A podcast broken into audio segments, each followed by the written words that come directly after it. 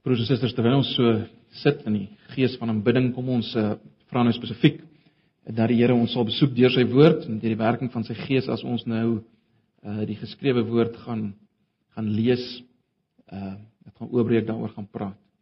Ons word net 'n paar oomblikke stil voordat die Here nou met ons sal praat. Ag Here, hoe wonderlik is dit om U lof te besing, om U groot te maak.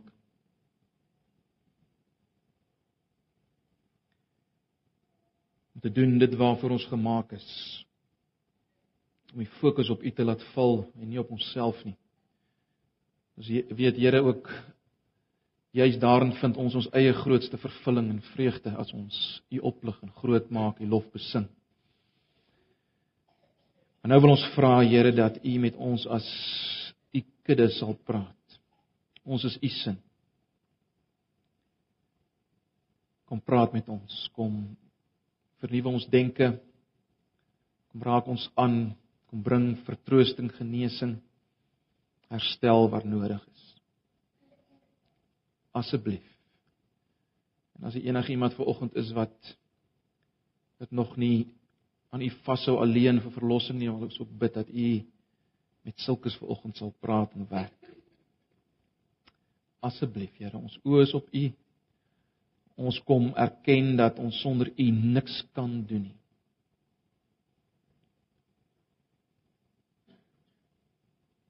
U moet werk.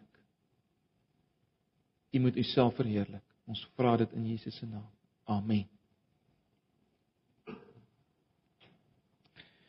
Broers en susters, ons het gekom aan die aan die einde van ons eh, reeks in die boek Johannes. Ons is by Johannes 21. Nou uh ek het dit eintlik nie heeltemal so beplan nie, maar dit het eintlik goed uitgewerk of deur die Here se genade so uitgewerk dat ons uh, die Paasnaweek kon stil staan by dit wat Johannes opgeteken het onder leiding van die Gees oor die oor die kruisiging en die opstanding en uh, ons het wonderlike dinge daar gesien die naweek. Nou is ons by Johannes hoofstuk 21. En ek gaan maar weer die hoofstuk as geheel lees en dan uh, sluit ons af met hoofstuk 21. Johannes hoofstuk 21.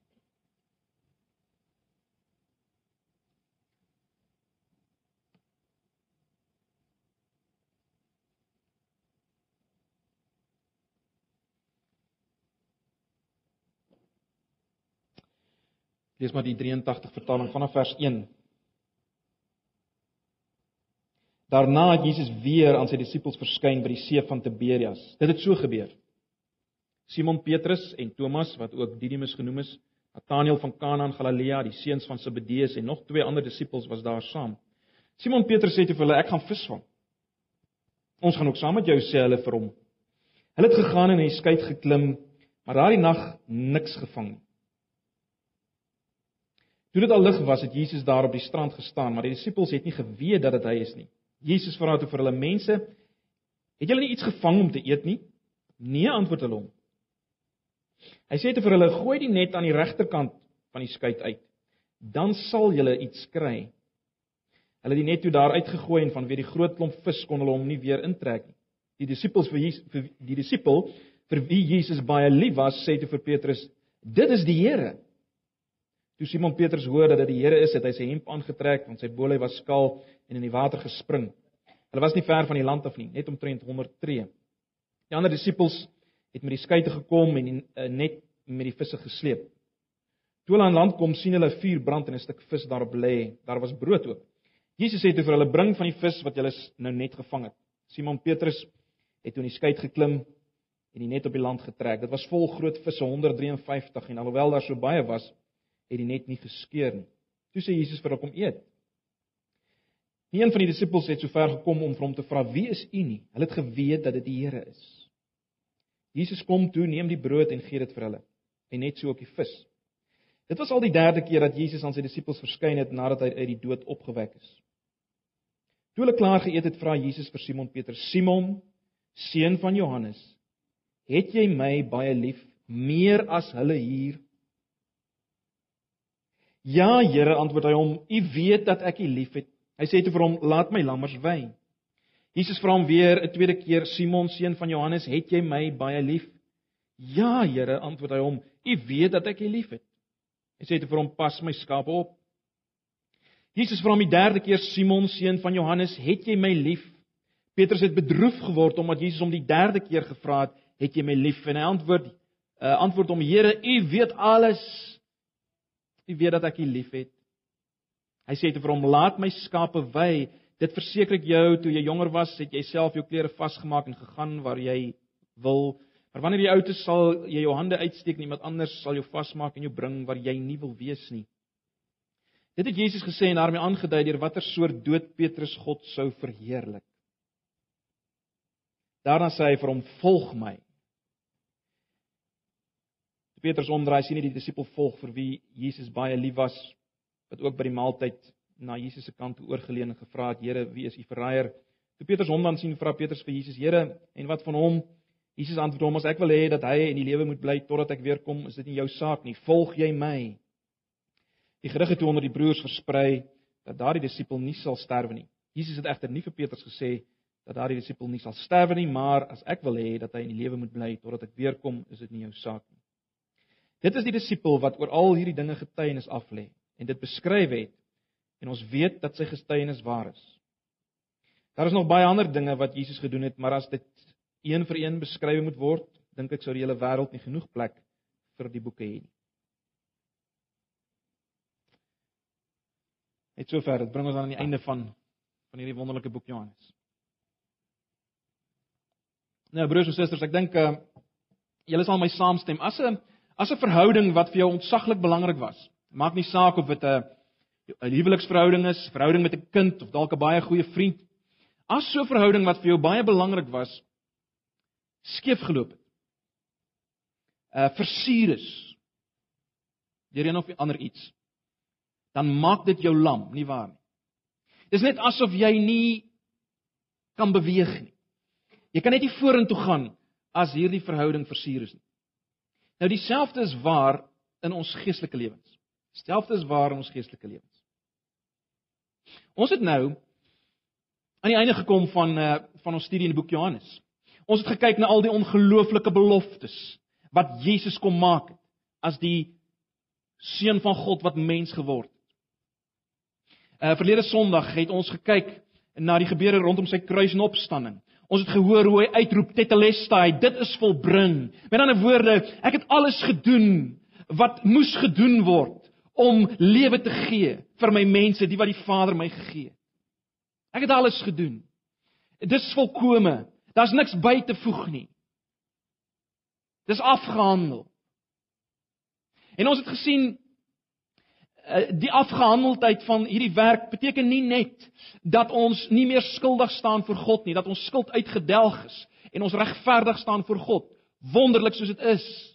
Maar meer as dit, ons het gesien dat Johannes veral vir ons uitlig dat die kruisiging en die opstanding as te ware die Gees vrystel. Die Gees van Jesus, Jesus self by ons en in ons word moontlik gemaak deur die opstanding, die kruisiging en die opstanding wat die stempel daarop. Ons het dit gesien. En ons het ook gesien dat die rede waarom Jesus die Gees homself, as jy wil, vir die disippels en daarom ook vir ons as te ware nou gee, die rede daarvoor kry ons in vers 21 van Johannes 20 en dit is dat ons soos Jesus in die wêreld sal inbeweeg, gestuur soos hy. Soos die Vader hom gestuur het om te doen wat hy gedoen het. Dis waarom hy die Gees vir ons gegee het. Die vraag wat jy jouself as individu en ons as gemeente ons natuurlik onmiddellik moet afvra in die lig hiervan, is dit. Die lig hiervan. Die lig van dit wat Jesus gedoen het in hierdie afgehandelde werk, die Gees wat hy gegee het, die opdrag wat hy gegee het, is ons besig daarmee. Is ek as individu besig om my lewe te wy om in te beweeg in die wêreld soos Jesus? En soos die Vader Jesus gestuur het. Is ons as gemeente daarmee besig? Indien nie, wat is die rede daarvoor? Wat is die rede daarvoor? Wat verhinder ons? Ons moet onthou die disippels het natuurlik op dieselfde punt as ons gestaan. Hulle het die opstanding aanskou. Die tekens van die opstanding, as ek dit so kan stel. Hulle het die beloftes gehoor. Beloftes van die Gees wat hulle nou gaan ontvang. Uh, en, en die vraag wat mense op hierdie punt ook kan vra wat hulle betref is dit: Sou hulle sou hulle begin leef dit wat Jesus geleef het en beleef dit wat Jesus beleef het? Sou hulle begin leef en beleef dit wat Jesus geleef en beleef het? Dis die vraag. Alles was nou afgehandel. En dit bring ons nou by vandag se gedeelte. Kom ons kyk 'n bietjie na hierdie gedeelte. Ek gaan nie op alles vreeslik infokus nie. Net die twee groot momente hier. En die eerste groot ding wat hier gebeur is natuurlik wat ons baie keer noem die die wonderlike visvangs, né? Nee. Die wonderlike visvangs. Nou, ons moet onthou reeds vroeg in Jesus se bediening lees ons byvoorbeeld in Markus se Evangelie hoofstuk 1 vers 17 dat Jesus sê: "Volg my, ek gaan julle vissers van mense maak." So as ons nou gedeeltes soos hierdie lees in Johannes, dan moet ons onmiddellik uh, vir mekaar sê wel, hier's waarskynlik iets meer as net visvang op die spel. Dit gaan gaan oor iets meer hier. Veral ook as mens natuurlik nou onthou die boek Johannes se hele aard, nê? Nee, is 'n boek van tekens. Tekens wat staan vir wonderlike geestelike waarhede. Dit dis die hele boek Johannes. Ons het ons het baie daarna gekyk. Met ander woorde, dis baie duidelik Jesus wil nie net vir sy disippels 'n wonderlike belewing van visvangs gee. Dit is lekker om klomp vis te vang, nê? Nee, al vir die manne. 'n Wonderlike belewing is so so klomp vis te vang, maar dis baie duidelik, dit gaan nie net hieroor nie. Jesus wil nie net vir hulle belewenis gee van visvangs nie. Nee, hy wil iets meer sê.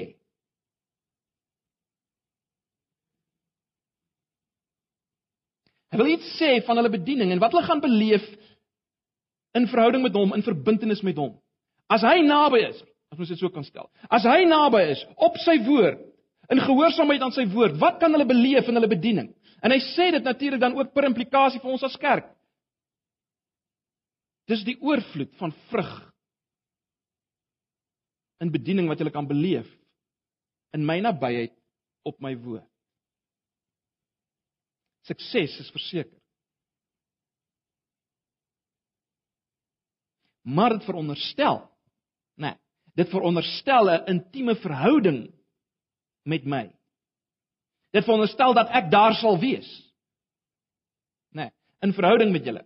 Dat julle in my uh op my woord sal reageer in verhouding met my. So dis wat hierdie visvangs uh wil uitlig of wat Johannes deur die optekening daar wil uitlig. Die vraag is nou maar as hierdie verhouding waarvan ons nou gepraat het, as hierdie verhouding uh vertroebel is. Hierdie verhouding met hom van 'n individu se kant af, van 'n gemeente se kant af.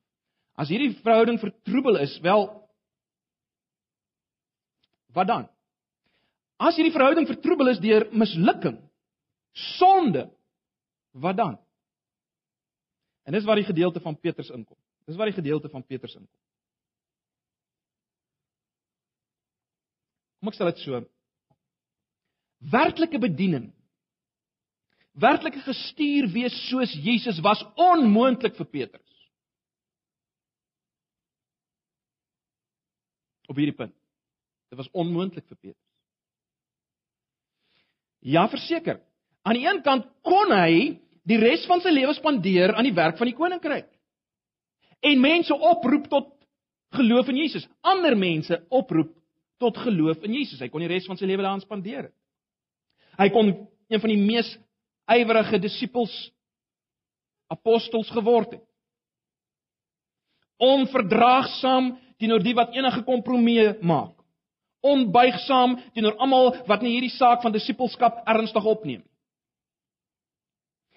Al sy energie, broers en susters, sou pragtig op die oppervlak gelyk het. Sy energie vir die Here. Maar dit sou bloot kompensering wees. Of moet ek sê oorkompensering vir sy mislukking in die verlede. Jy sien hierdie soort kristendom is vernietigend, né? Nee. Dit produseer eintlik niks anders uh, as wat ek wil noem 'n protestantse stelsel van boetedoening. Dit klink min of meer so, né? Nee. Dit klink so. Omdat ek God in die steek gelaat het en myself in die steek gelaat het, wel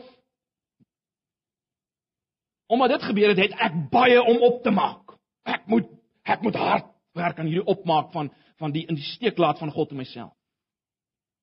Dis hoe dit klink. En natuurlik wat gebeur is dat so 'n bediening niks weet van die vreugde waarvan Jesus praat en wat hy beloof in Johannes 16 vers 22 nie, né? Nee. So bediening weet niks van daai vreugde wat Jesus daar beloof. Aan die ander kant kon Petrus ook 'n man van wanhoop geword. 'n Man van wanhoop. Bewus van sy eie swakheid, wetende dat Jesus gesien het hoe pateties hy eintlik is in sy getrouheid en in sy toewyding. Hoe kon hy, hoe kon hy enige respek geniet van enigiemand? Weereens Petrus kon voortgaan broers en susters met met bediening terwyl hy die die las van sy sonde as te ware weggepak het in die diepste gedeeltes van sy hart, maar stadig maar seker soos soos watergrond wegkalwe sou dit sy siel weggekalwe het. Hierdie ding. En uiteindelik sou dit gelei het tot selfkritiek, depressie, geestelike pessimisme wat ver, vermom word deur uh, sogenaamde selfverloning, maar eintlik is dit niks anders as geestelike pessimiste, pessimisme, depressie, selfkritiek. Dis die dinge wat sy bediening sou kenmerk. As hy hierdie ding sou wegsteek in die dieptes van sy siel. Maar broers en susters, Jesus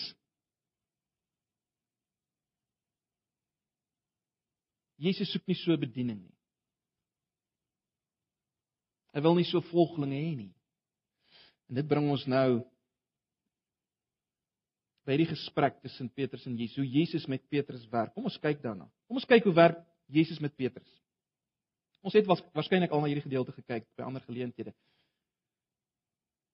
Maar kom ons kyk weer daarna. Ek dink ons almal ken die geskiedenis, né? Nee. Ons ken die geskiedenis wat van ge, wat gebeur het. Ehm uh, die kindertjies, julle sou vanoggend dit ook ook weer gehoor het waarskynlik, né? Nee. Uh Petrus wat Jesus 3 maal verloon, 3 maal eintlik sê ek ken hom nie en dan kraai die haan. Ons ons ken dit almal. Die pilaar het geval, né? Die die die staatmaker ou het gevou. 'n Mens kan jou net indink al die vernedering en die skande en die hartseer wat daar daarmee saamgegaan het vir Petrus, al die kykke wat hy gekry het. Jy weet mos daai daai betekenisvolle kykke, ja. Het gewonder. Jy weet so baie gepraat het. Jy was baie groot mond gewees. En nou in hierdie gedeelte kom Jesus met hierdie vraag wat wat ons gelees het in die Openbaar.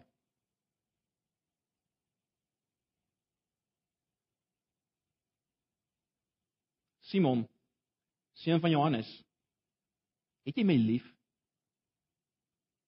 Het jy my lief?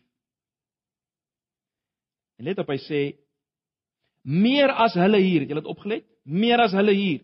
Nou die die hulle verwys natuurlik na die ander disippels wat teen uh, wat teenwoordig was, né? Nee. Nou dit maak baie sin dat Jesus spesifiek sê meer as hulle hier. Hoekom maak dit baie sin? Wel, omdat Petrus was juis ten opsigte van die ander die een wat homself baie sterk uitgespreek het, né? Nee.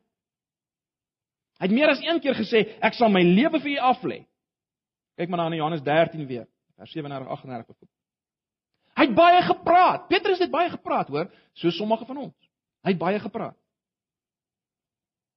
As mens kyk eh, na Matteus 26 vers 23, het Petrus nie geskroom om homself eintlik wat sy getrouheid betref bo die ander disippels te stel nie. Hy het sover gegaan om te sê, ja, kyk al hierdie ander hulle sal u verlaat, maar nie ek nie. Hy het eintlik nie geskroom om homself selfs bo die ander te stel. Ons weet Petrus is die is die is die voorbarige een en hy die die die sterk een. Die een wat tot aksie oorgaan. Dis die ou wat Malgas se oor afgekap het.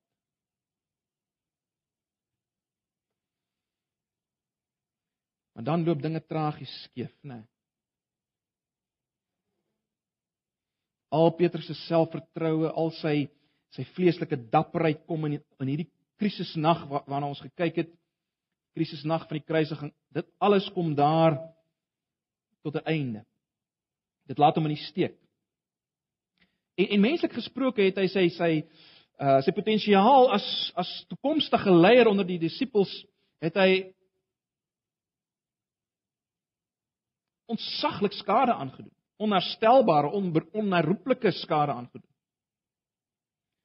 want mense vergeet mos nie net eenvoudig nie so iets nie. Ek meen, uh hoe sou hulle ooit so so lafhartige een as 'n leier kan aanvaar vir Jesus in die koninkryk?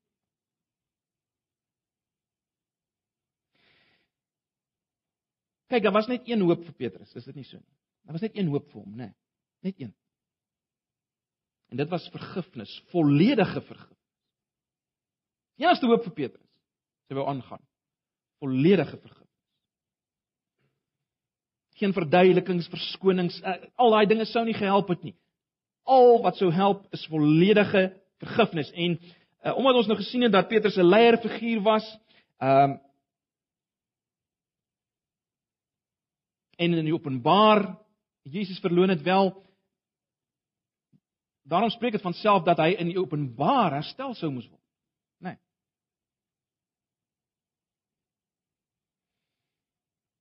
en dis wat hier gebeur is dit nie hiervoor almal kom Jesus en hy vra baie diep ondersoekende vrae en dit sou Petrus geraak het dit sou Petrus geraak het tot in die diepte van sy siel nê nee.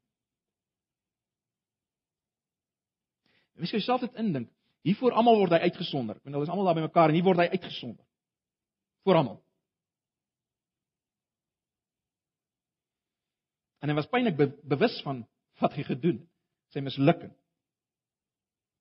Jy, Simon, seun van Jona, jy my werklik lief.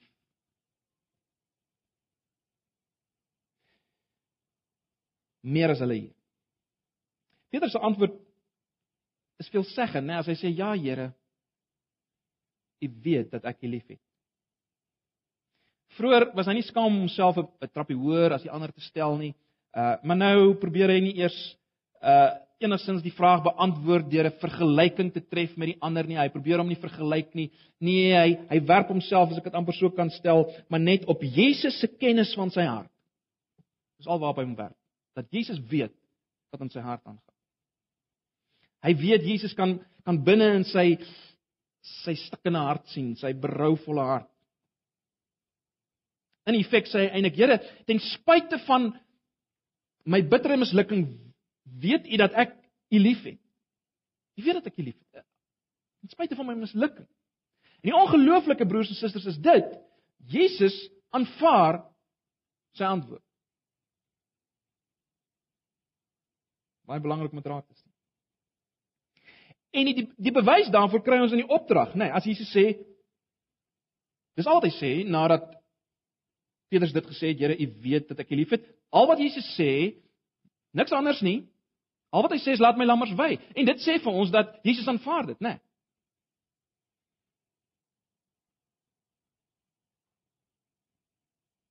Dis die bewys. Dit word duidelik die feit dat Jesus vir hom sê versorg my mense.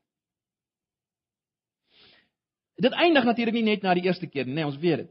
3 keer herhaal Jesus dieselfde vraag en 3 keer moet Petrus dit aanhoor.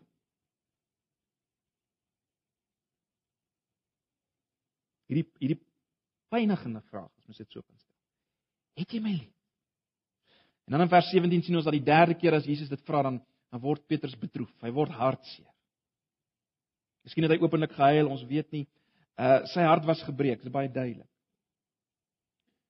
Want dit is natuurlik betekenisvol, ons weet dit, né? Nee, dit is natuurlik betekenisvol dat Jesus 3 keer vir hom vra, "Het jy my lief?" Want hy het 3 maal vir Jesus verloon. So dit is betekenisvol dat dat daar 3 keer vir hom gevra word, "Het jy my lief?" Jesus verlang nou 3 keer hierdie belydenis van hom, soos hy 3 keer Jesus verloon het, né? Nee. En die derde keer dan dan antwoord Petrus: "Here, U weet alles. Here, U weet alles. U weet alles." Jy kan dit vir jouself indink, né? Nee, 'n betraande Petrus. Hy's hy's hy's as te ware stikkend geruk deur hierdie drie vrae en dan roep hy uit: Here, U weet alles. U weet dat ek U liefhet. Daar's geen spoor meer van selfgeregtigheid nie, eie waan, niks nie. Hy verlaat hom net op die een wat sy hart ken. Verlaat hom op die een wat sy hart ken. Petrus het niks meer gehad om oor te spog nie, né? Nee. Niks nie. Niks wat hy vir die Here kon noem wat hy gedoen het vir die Here nie. Niks. En dan herhaal Jesus ook sy opdrag. Hy het nie net die vraag herhaal nie. Hy het ook die opdrag herhaal. Hy sê weer laat my skape wy. Nou broers en susters, dit loop ons moenie vreeslik betekenis probeer insoek in die verskillende gebruik van woorde hier nie. Dit is maar net vir afwisseling, daar's nie vreeslike betekenis nie verskil tussen lammers en skape en so meer nie. Die die groot ding is dit Petrus se bediening word herstel. En en sy bediening word nie net 'n titel gegee nie, sy bediening uh bestaan uit 'n praktiese opdrag: laat my skape wy, pas hulle op. En Petrus het dit inderdaad ernstig opgeneem. Dit is baie interessant as mens nou na Petrus se se se se se se brief gaan, 1 Petrus. Gaan lees maar wat skryf hy oor die herders. Baie interessant. Hy het ter harte geneem. 1 Petrus 5 vers 1 tot 4.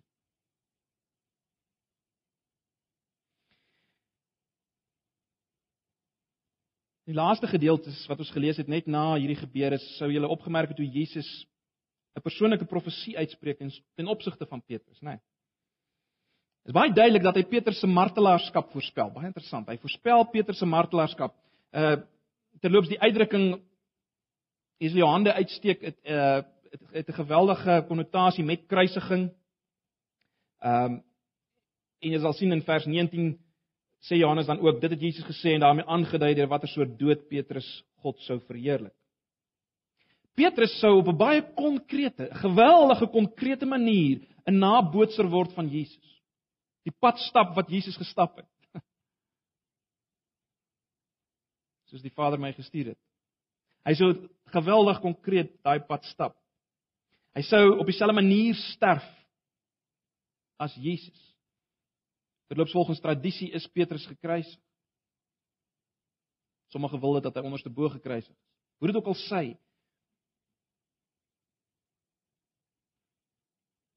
Hy sou God verheerlik deur sy dood en die manier van dood. Nou in Johannes Evangelie weer en weer uh, is dit baie duidelik nê nee, dat uh, Jesus se dood word in verband gebring met die verheerliking van God. Jesus se dood word in verband gebring met die verheerliking van God. Daar's geen twyfel nie. Dink maar net in Johannes 17 wat ons daar gesien het. Johannes 17 vers 1. Petrus self.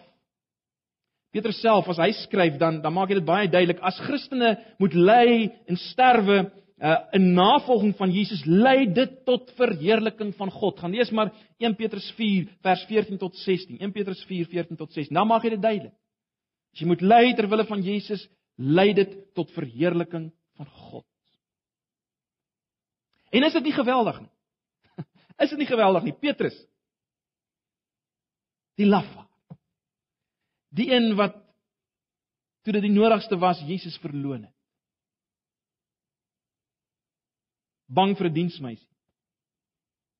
Op die ouend is dit hy wat volhard en sterf op 'n manier baie konkreet wat Jesus verheerlik, God verheerlik. Dis hoe mate hy herstel is, broers en susters. En dan sê Jesus: "Volg my." Baie interessant. Hy sê: "Volg my."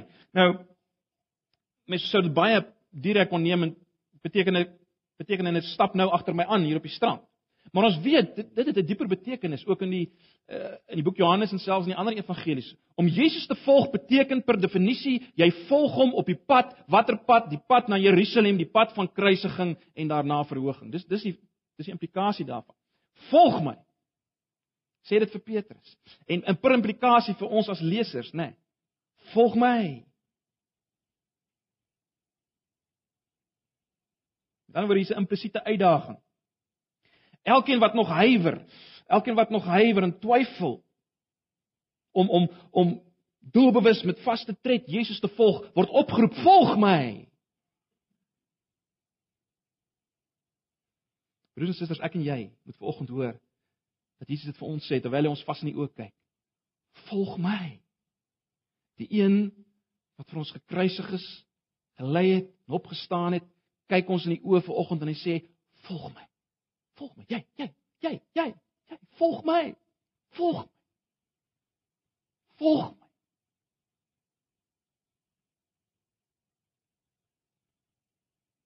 Wees gestuur soos die Vader my gestuur het.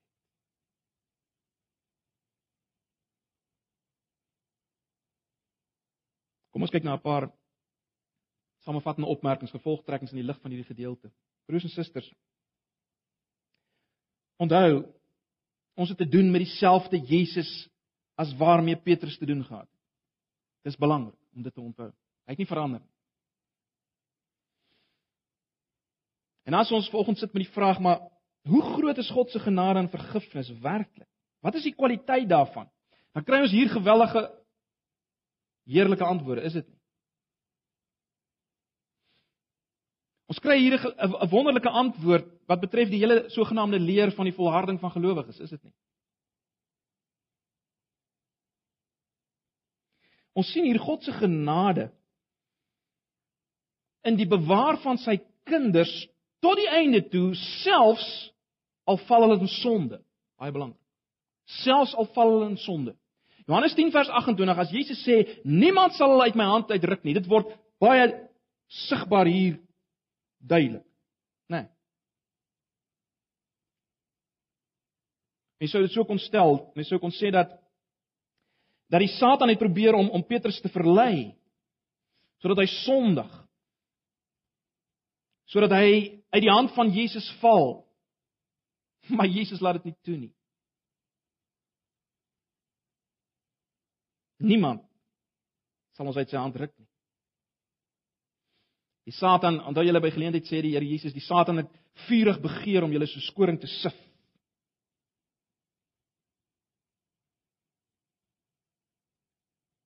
Maar Jesus laat dit nie toe nie. Dis geweldig. Jesus se genade uh het het hierdie let wel, ons moenie 'n fout maak. Hierdie hoogmoedige, selfversekerde Petrus bewaar. Al het hy liderlik gesondig, die grootste sonde wat moontlik is. Ek en jy sou nie. Ons sou nie.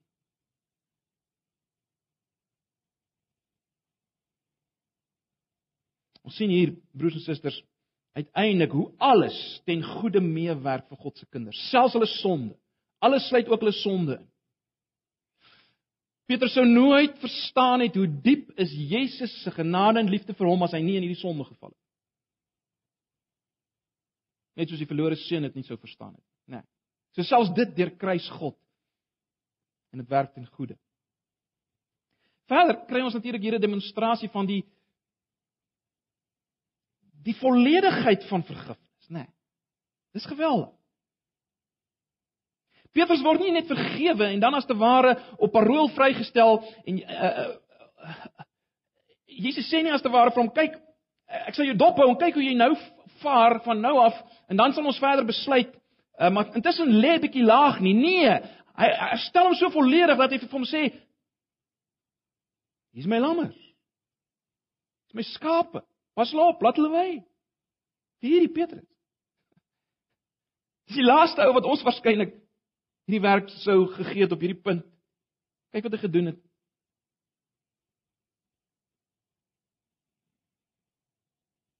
Maar Jesus werk anders. Dis jou werk Petrus. Jy's herstel volledig. Volgende ding wat ons maar net hier weer eens moet sien broers en susters is dat die kernvraag die kernvraag vir elke gelowige. Baie belangrik want dit Dis nie om dowenete dat Jesus hierdie vraag van hom vra nie. Dat dit is daarom die kernvraag vir elke gelowige: Het jy my lief? Nie Wat kan jy sê wat jy al gedoen het nie? Het jy my lief? Dis die kernvraag. Dit is belangrik dat ons dit sal hoor.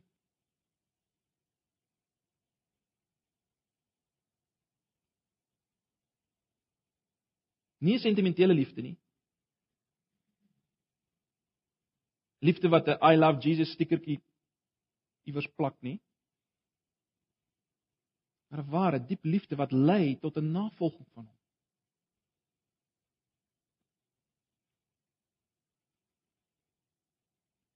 Dit is die kernvraag, kernvraag wat ons altyd weer vir onsself moet afvra, het ek hom werklik lief?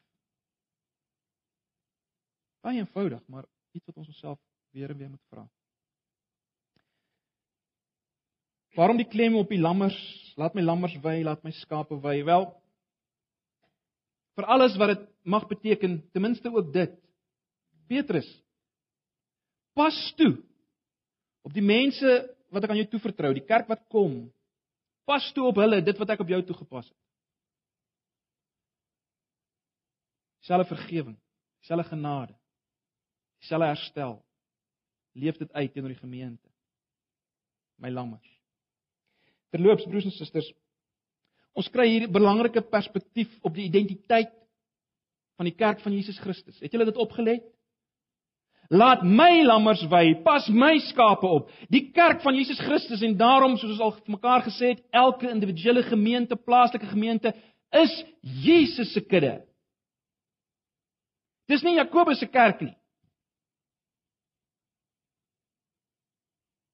Of jou kerk waar jy so voel en so nee, dis Jesus.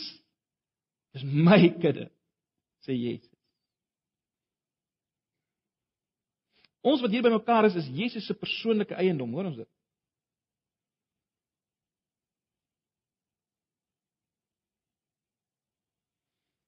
Ons is Jesus se skape, kosbaar in sy oë, vir wie hy sy bloed gestort het, het ons al gesien, kosbaar in sy oë. Broers en susters, mag ons na mekaar kyk met dieselfde oë.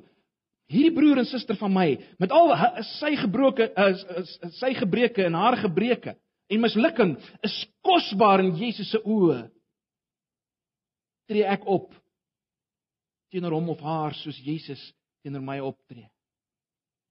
Dit is kosbaar vir Jesus. Ons word eintlik hier geroep weer eens om die gemeente te omhels in hierdie gedeelte. Implisiet.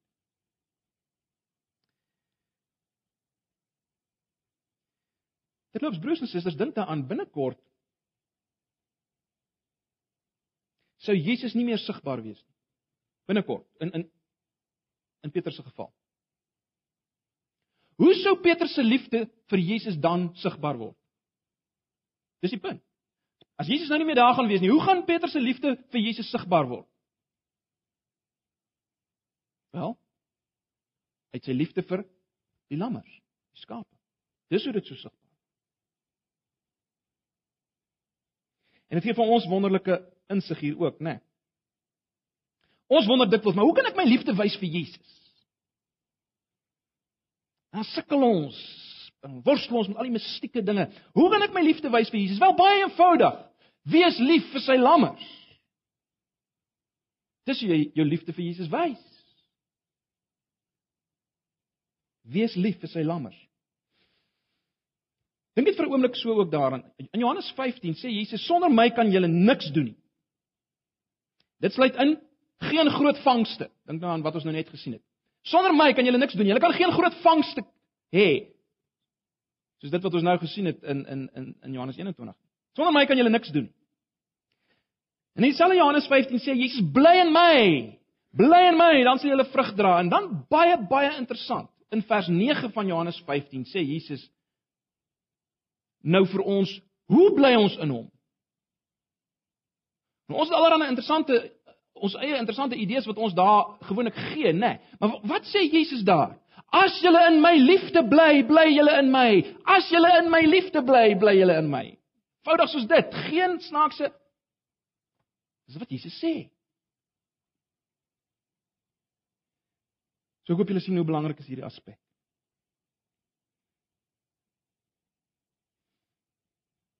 En ek hoop julle sien ook hoe dit aansluit by die by die visvangs.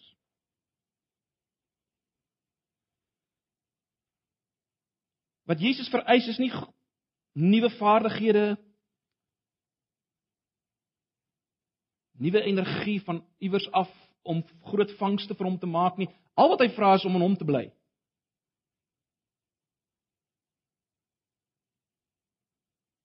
Natuurlik deur die geloof, maar ook in die liefde. Bly in my en dan sal jy sien wat gebeur. Want dan is ek werksaam. En nie julle julle eie krag en energie en slimmigheid nie. As ek werksaam, as ek in julle is deur my gees. Ag broers en susters. Uh hierdie is 'n geweldige gedeelte oor die die ongelooflike genade, vergifnis, liefde, herstel van van Jesus. En ons sukkel om dit te vat, nê. Nee. Dis die tipe ding wat Paulus laat uitroep het. Wie kan ons skei van die liefde van Christus. En dan noem hy al daai dinge. Niks van ons skei. Maar nou baie prakties en ek begin daarmee klaarmaak. Jesus is nie meer hier nie. Nou, broers en susters, is dit so belangrik. As jy bewus is van 'n ding iewers daar in jou verlede, mislukking, 'n sonde wat weggesteek is, is dit baie belangrik dat jy in sy teenwoordigheid kom. Dat jy hom toelaat om dit vir jou te sê wat hy vir Petrus gesê het. Jy moet in kontak kom met hom. Maak tyd om voor hom te kom met sy woord, toe te laat dat hy jou herstel soos Petrus herstel is. Baie belangrik. Moenie net aangaan. Aangaan, aangaan, aangaan sonder dat hy kans het om jou te herstel.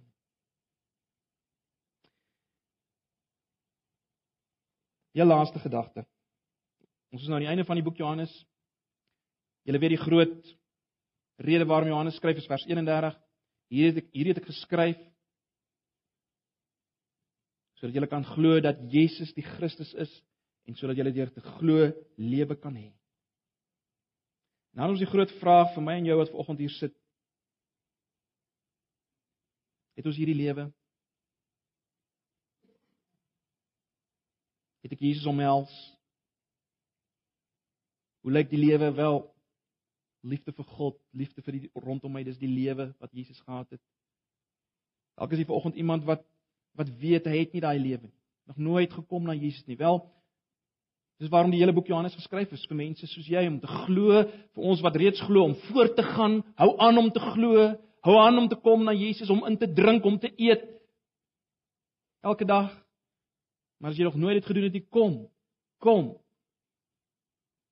Werp jouself vir hom in gebrokenheid, omhels hom, eet hom, drink hom. Hy is alles. Hy's die weg, hy's die waarheid, hy's die lewe. Ag mag die Here elkeen wat hier is genadig wees dat ons al meer en meer dit sal beleef die lewe in hom ook as gemeente in die wonderlike herstel wat hy bring. Amen. Broers en susters, wil hê dat ons nou as ons klaarmaak net vir 'n paar oomblikke miskien stil word en dan ook na mekaar draai. Kom ons in hierdie oomblik, kom ons bid spesifiek vir twee goeters. Ek wil hê dat ons regtig bid vir uh Mike en Tannie Hilda wat teruggaan Mosambiek toe die bou daar van die hospitaal. Ehm uh, kom ons bid regtig vir hulle. Kom ons dra hulle aan die Here op dat die Here sal bewaar, hulle sal gebruik. Uh kom ons bid daarvoor en dan kom ons bid regtig ook as gemeente. Kom ons draai en miskien 2 2 as jy nie wil nie, kan jy op jou eie dit ook doen. Kom ons bid ook vir Noord-Korea. Werklik vandag 'n 'n 'n biddag vir Noord-Korea weet daar's al na daarna verwys, maar kom ook as gemeente, kom ons uh, neem nou ook deel daaraan. So dis die twee dinge. Net 'n paar paar minute kom ons gebruik dit hiervoor. Ek sal vir ons afsluit.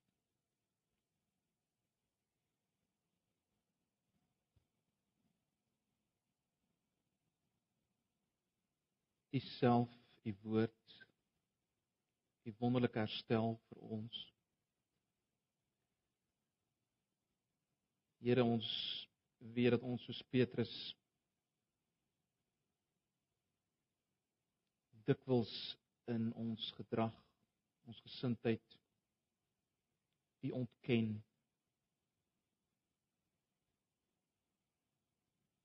Al weet ons van beter soos hy ook van beter geweet het, selfs gewaarsku is. Dankie dat u ten spyte daarvan ons nie uit u hand laat gaan nie. Juis omdat u aan die kruis uitgeroep het dit is volbring. Verlossing is bewerk. Baie baie dankie Here vir u self u woord. Dankie dat ons kom besig wees met hierdie boek Johannes ag Here ek wil net bid dat u elkeen van ons naby sal wees in ons sal werk deur die gees wat U gegee het sodat ons sal bly glo en die lewe sal beleef wat daarin U moontlik is. Asseblief ons vra dit in Jesus se naam. Amen. Is daar 'n laaste lied? Kom ons sluit net af met 'n laaste